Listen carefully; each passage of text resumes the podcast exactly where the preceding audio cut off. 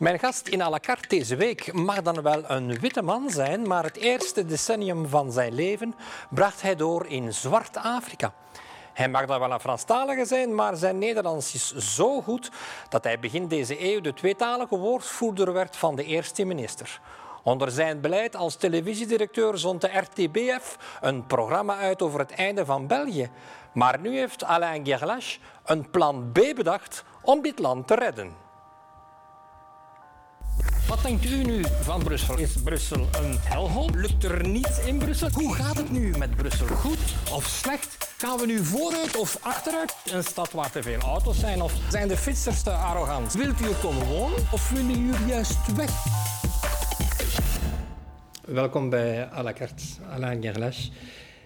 Toen ik uw cv las, zag ik dat u tien jaar in uw eerste tien jaar van uw leven dat u heeft doorgebracht in Zwart-Afrika. Ja, in uh, Congo en ook uh, in Burundi. Ja. Heeft dat een grote invloed gehad op u? Uh, ik denk van wel. Um, ik heb geen uh, jeugdherinneringen aan, aan België bijvoorbeeld. Ja. En uh, ook de familiebanden met grootouders enzovoort, die waren veel losser. Eigenlijk had ik mijn familie daar. En ook, uh, ik ben een paar keer uh, teruggekeerd uh, naar Afrika, ook naar die twee landen, maar naar andere landen ook, Burkina Faso bijvoorbeeld. En als ik daar aankom, dan, dan voel ik, dan heb ik een soort van thuisgevoel ja. in de sfeer, in de, de, de, de, de ja, de, de, de, algemene sfeer, de mensen daar. Ja, dat zijn, uh, dat zijn mijn roots. En maakt dat, zijn een deel van mijn roots. Maakt dat uw kijk op uh, het koloniaal verleden van ons land anders? Ja, natuurlijk. Uh, dat is later gekomen. mijn ouders, die waren niet de, de, de, de bazen of de eigenaars van grote eigendommen daar. Ze waren daar bedienden. Uh, ze maakten deel uit van die generatie uh, mensen, Belgen, die uh, naar Congo zijn gegaan omdat ze na de oorlog een beter leven, een beter leven wouden mm. hebben. Maar dus de, ze waren geen kolonialisten in, de, in, in de zin van die, die je bijvoorbeeld kon vinden in het begin van de, maar bent van u de 20e eeuw. door uw verleden gevoeliger Ja, ik ben zeker gevoeliger uh, voor, uh, voor uh, die situaties. En ik vond dat normaal en, en dat was ook heel eenvoudig en heel vanzelfsprekend. Mm. Pas nadien natuurlijk heb ik begrepen dat kolonialisme, ja, dat dat het totaal verkeerd was. Dat, is een, dus dat het nu, een misdaad u bent was. nu een voorstander van de decolonisering, waar zoveel over geplaat wordt? Uh, ik ben een voorstander van de uh, correcte analyse van de kolonisatie, mm. de, de gevolgen daarvan. Nu, ik ben zeker geen aanhanger van de, aanhanger van de, van de woke-beweging mm. of de, van de cancel culture, die alles uh, wil erasen, dus uh, cancelen op basis van een identiteit. Ja. dat, is, dat is iets anders. Maar doen alsof het een manier was om de beschaving ja. aan die mensen te brengen enzovoort. Dus het discours nee. van toen, ja, dat kan ik natuurlijk maar niet Maar de standbeelden van Leopold II mogen blijven staan? Ik denk van niet, nee. Uh, ik begrijp dat dat uh, aanstoot kan geven aan de mm. mensen die hier wonen en die van Afrikaanse origine zijn. Mm.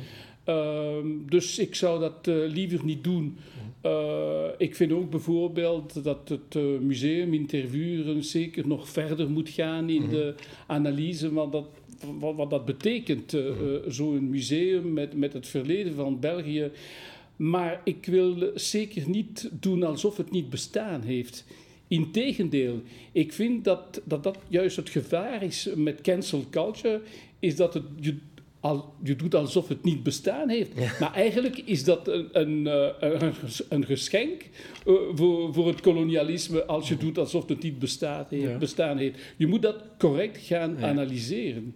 U heeft een heel lange carrière als uh, journalist. U bent op een bepaald moment was u directeur televisie van de RTBF. In die periode 200 en 2006 maakt u een van de, de meest controversiële programma's die er ooit gemaakt zijn op de RTBF.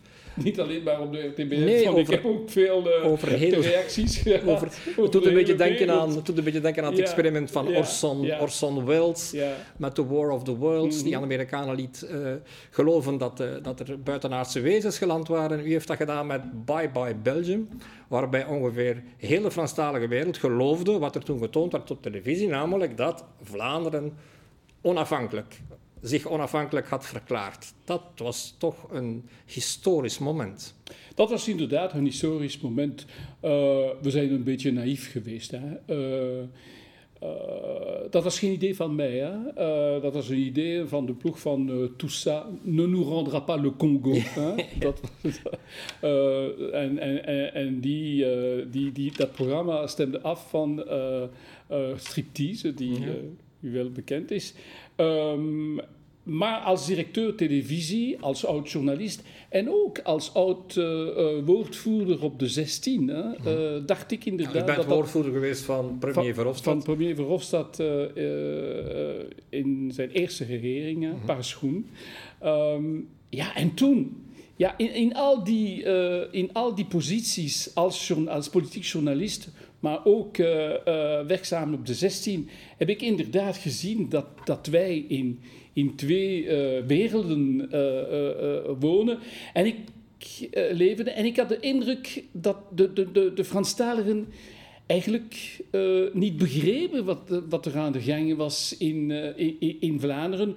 Nu, ik, denk niet, ik dacht ook niet dat Vlaanderen de onafhankelijkheid zou ja, uitroepen. Maar ik vond het belangrijk te tonen dat het nationalisme bestond.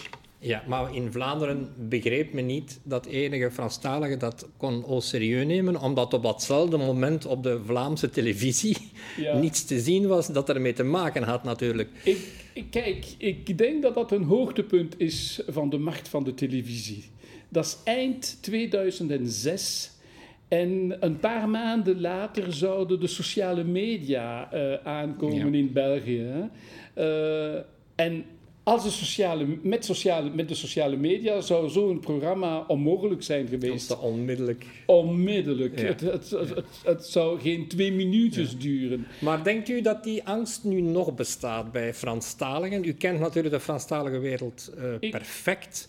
Denkt u dat die angst nog bestaat dat Vlaanderen zich zal terugtrekken uit België? Ik denk, dit, ik denk dat uh, het idee uh, nog, steeds bestaat, dat, uh, nog steeds bestaat dat Vlaanderen inderdaad op een dag onafhankelijk zou kunnen worden. Maar ik denk niet meer dat dat een angst is. ik denk dat de mensen, dat vele mensen dat ik zal niet zeggen aanvaarden, maar ze hebben de indruk dat ze er niet, er niet veel aan kunnen doen. Uh, als je naar de peilingen ziet bijvoorbeeld, als ze horen dat uh, uh, een, de nationalisten, dus Vlaams Belang en N-VA, in, in 2024 samen een meerderheid zouden kunnen hebben. Ja, dat zien de mensen wel. Maar ik heb ook de indruk dat veel mensen zeggen, ja, als zij weg willen met het Vlaams Belang als eerste partij laat ze maar gaan. Natuurlijk zijn ze er niet van bewust van de mogelijk catastrofale gevolgen dat dat zou kunnen hebben voor de financiële uh, situatie uh, van Wallonië. Maar sowieso worden de transfers uh, in de komende jaren toch afgebouwd. Maar ik las vandaag een artikel over de financiële toestand van de Fédération Wallonie-Bruxelles. Mm waar er binnen, binnen op tegen het einde van de legislatuur een tekort zal zijn van 15 miljard euro. Dat, is toch, dat wordt toch een beetje gevaarlijk, vindt u dat niet? Dat is onhoudbaar. En dat zegt, de, dat zegt de minister, de bevoegde minister, Frederik Dardenne, zoon van, uh, zegt dat dat onhoudbaar is. En hij heeft gelijk, het is inderdaad onhoudbaar, zo'n deficit zonder financiële, zonder fiscale uh, uh, bevoegdheden. Dus de, de, de Franse gemeenschap is totaal afhankelijk uh, van de andere deelstaten. En, en, dat kan natuurlijk. En, en, van de federatie ook, natuurlijk. Hetzelfde geldt ook voor Brussel. Er wordt wel eens gezegd: Brussel is eigenlijk virtueel fight. Als je daar dan de, de toestand van de federatie bij rekent Ja. Dat is inderdaad een probleem. Ja, dat is het probleem van de, van, van, de, van de deelstaten aan Franstalige zijde. Franse gemeenschap. Hoe komt dat? Dat vragen veel Vlamingen zich af. Hoe komt dat? Uh, ja, kijk, uh, de situatie van Brussel laat ik een beetje apart, want dat heeft ook te maken met de financiering van Brussel. Als, als Brussel gefinancierd zou worden op basis van belastingen die uh, worden gegeven op de plaats van het werk in plaats van de plaats van, van, van, waar je woont, dan zou de situatie van Brussel anders, anders zijn. Uh, wat Wallonië betreft, dat heeft natuurlijk te maken met de, de teleurgang die in de jaren 90 1960 al begon. Ja, dat is lang geleden. Dat is inderdaad lang geleden. En dat is, een, dat is inderdaad een ramp dat uh, de Franstalige politici, de Waalse politici, uh, daar toen heel weinig uh, tegen hebben gereageerd. ze zijn heel conservatief geweest. En het resultaat is dat de, de, de, de evolutie naar een nieuw economisch model veel te laat is gekomen. En ik ben er niet zeker van dat, dat, het nu, uh, dat zij nu een nieuw recept hebben. Hè. Uh, er, is nu, er is nu een nieuw plan voor, uh, voor Wallonië, Get Up Wallo Wallonië. Maar dat is, dat, is, dat is al het derde plan. Allemaal samen met dezelfde minister-president, Elio Di Rupo. Dus ik hoop dat de derde keer uh, de goede is. Hè. Anders is dat natuurlijk... De Franstaligen zijn geen vragende partij voor een nieuwe staatshervorming, maar het zou wel eens kunnen dat ze er bijna toe gedwongen worden, omdat ze meer geld nodig hebben. Ik geloof in een staatshervorming die, ik, ik die aan Franstalige zijde gebeurt. Ik, uh, ik ben persoonlijk uh, voor een België met vier gewesten. Ik, voor allerlei redenen. Mm -hmm. Uh, ten eerste, kijk, die Franse gemeenschap, voor mij mag dat afgeschaft worden. Het is financieel onhoudbaar. Het is, on, het is niet leesbaar voor de mensen. En we hebben in Frankrijk gezien dat als de mensen niet begrijpen waar een instelling uh, waarvoor dat doet, ja. wat, wat, welke functie uh, die heeft, dan gaan ze niet stemmen. Uh, want het is, het is, gemakkelijk, want eigenlijk stemmen ze niet voor de Franse gemeenschappen. Hè. Ze stemmen voor uh, de gewesten en, en, en, en, en zo vormen zij een parlement. Maar kijk, ik vind dat voor de democratie, voor de werking van de staat, voor de vereenvoudiging van de, van de instellingen aan de Franstalige zijde, een uh, België met vier gewesten, met verregaande autonomie en mhm. responsabilisering veel beter zou zijn. Maar dan krijgt... ik, ik heb daar geen bezwaar tegen dat bijvoorbeeld, ik ben een Waal, dat bijvoorbeeld ook Wallonië zou bevoegd zijn voor cultuur ja. en zelfs voor onderwijs. Maar dan krijg je natuurlijk Brussel, ja. waar er... Zou u het... Gelooft u dat, ge, dat gemeenschapsbevoegdheden dan zouden kunnen geregionaliseerd worden in Brussel? Maar ik begrijp niet waarom. Uh, ik, ik, heb de reacties van de uh, Franse, van de, van de uh, Brusselse PS-federatie -huh. gezien toen Paul Magnet zei dat hij een voorstander was van een België met, met vier gewesten. En de reactie luidde als volgt: nee, we hebben een band nodig met de Franse gemeenschap. Maar ik begin, kijk. België nu wordt niet meer gebaseerd op de tegenstellingen tussen de Franstaligen en, en de Nederlandstaligen. Ik kijk naar Brussel. Uh, ik werk hier, uh, ik ben hier regelmatig, ik hou van de stad. Wat zijn de uitdagingen van de stad van Brussel anno uh, 2021? Zijn dat nog de, de, de, de communautaire stellingen? Zijn, zijn dat nog de, de, is dat nog de taalkwestie, zoals uh, dat in de 20e eeuw heette?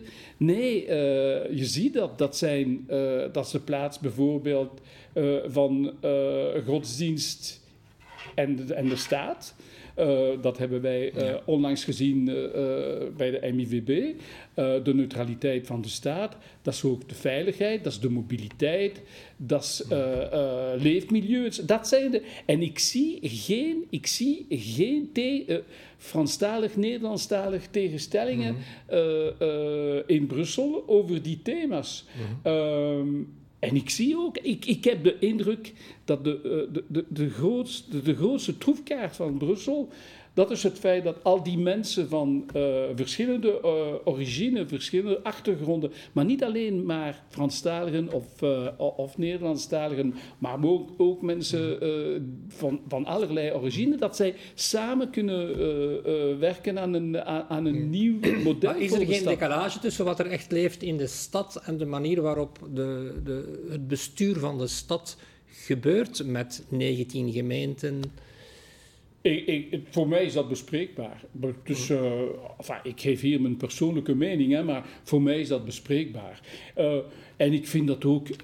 Enfin, als, ik, als ik tegen een Franstalige uh, zeg, een, een, een Brusselaar, een Franstalige Brusselaar zeg, meestal politici, want de, de, gewone mensen die, die denken daar niet aan, denk ik, dat ik, dat ik vind dat, dat 19 gemeenten dat dat, of, en zes politiezonen, dat dat uh, misschien achterhaald is en dat dat bespreekbaar is. Dan krijg ik altijd het antwoord, maar dat is het standpunt van de Vlamingen. En dan, kijk, ja, misschien is dat het standpunt van de Vlamingen. Maar het is niet omdat het het standpunt van de Vlamingen is dat het verkeerd is of verwerpelijk. En ik vind dat zo. Ik heb de indruk dat de, uh, die, die, die, die, die, politici nog steeds leven in, in de 20e eeuw met de, met de sporen van de, van, van de, de marsen op Brussel en, enzovoort dat is achterhaald. En ik heb uh, al ook gezegd, maar nu, ik ben geen Brusselaar, hè, dus ik wil zeker uh, de Brusselaar geen les geven. Maar ik vind ook, uh, ik vind bijvoorbeeld, als je ziet wat de uitdagingen van de stad nu zijn, hè, van het gewest, waarom moeten lijsten gebaseerd zijn op de taal die de mensen spreken? Ja. Dus voor mij mag dat ook weg. Maar, maar, maar, ik wil toch iets zeggen dat betekent natuurlijk niet dat er geen uh, sluwe manier om het Nederlands uh, in, in, Brussel uh, weg te werken. Hè? Want dat verwijt krijg ik als mm. ik dergelijke ideeën met Vlamingen bespreek. Er is iets dat mij altijd tegen de borst stuit. als ik op een restaurant ben met een restaurant ben met een Vlaming en we spreken samen Nederlands. En dan komt iemand vragen wat wij gaan eten. We zijn dus verplicht, en de gast is ook verplicht om, om Frans te spreken. Om Frans te spreken. Dat vind ik gênant. Ja. Als Franstalige, als Waal, als Belg, noem maar op, als Europeaan, als mens, dat vind ik gênant. Ja. En zolang dat duurt, ja, dan komt er geen, uh, dan komt er geen oplossing, denk ik. Want dat is dat is het leven van de mensen. En ik kan dat best begrijpen, dat dat uh, onaanvaardbaar ja. Nog een laatste ja. vraagje. U heeft samen met Ivan de Vadder ja. uh, al 54 afleveringen gemaakt van Le Plan B, het Plan B. Met de particulariteit dat de uitzendingen, de podcast, dus over Wallonië in het mm. Nederlands gaan en, de, en die over Vlaanderen in het Frans. Dat is wel heel origineel. Dat is inderdaad origineel. Uh, dat bestond niet. Uh, we wilden dat tweetalig maken, maar één keer in het Frans, één keer in het Nederlands. Dat is gemakkelijker voor de mensen die niet tweetalig zijn, maar mhm. wel geïnteresseerd zijn. En de bedoeling is dat ik in het Nederlands uh, praat over Wallonië en omgekeerd voor Ivan. de bedoeling is inderdaad dat wij elkaar niet goed begrijpen. Dat, dat er eh, dat, dat er bias zijn, zoals dat in het Engels heet. Dus eh, we zijn, er zijn invalshoeken die niet kloppen met de, met de werkelijkheid. En ik vond dat goed dat een Vlaming zoals Ivan, uh, die Brussel goed kent trouwens, de Vlaamse situatie zou komen uitleggen aan Franstaligen, maar de manier waarop eh, waarop uh, die problemen of die kwesties in Vlaanderen ervaren worden. En niet door de bril van een Franstalige journalist die daarop uh, verslag geeft. Ja. Maar ik vond dat het, dat het een, een live contact met Vlaanderen ja. vond ik wel het is echt meer dan de moeite waard. Dus de podcast Le Plan B. Kijken, ik kan het jullie maar aanraden. Alain Gelesch, bedankt om naar hier te komen, beste kijker. Wij gaan nu met vakantie, maar natuurlijk na de vakantie is à la carte terug. Goeie vakantie.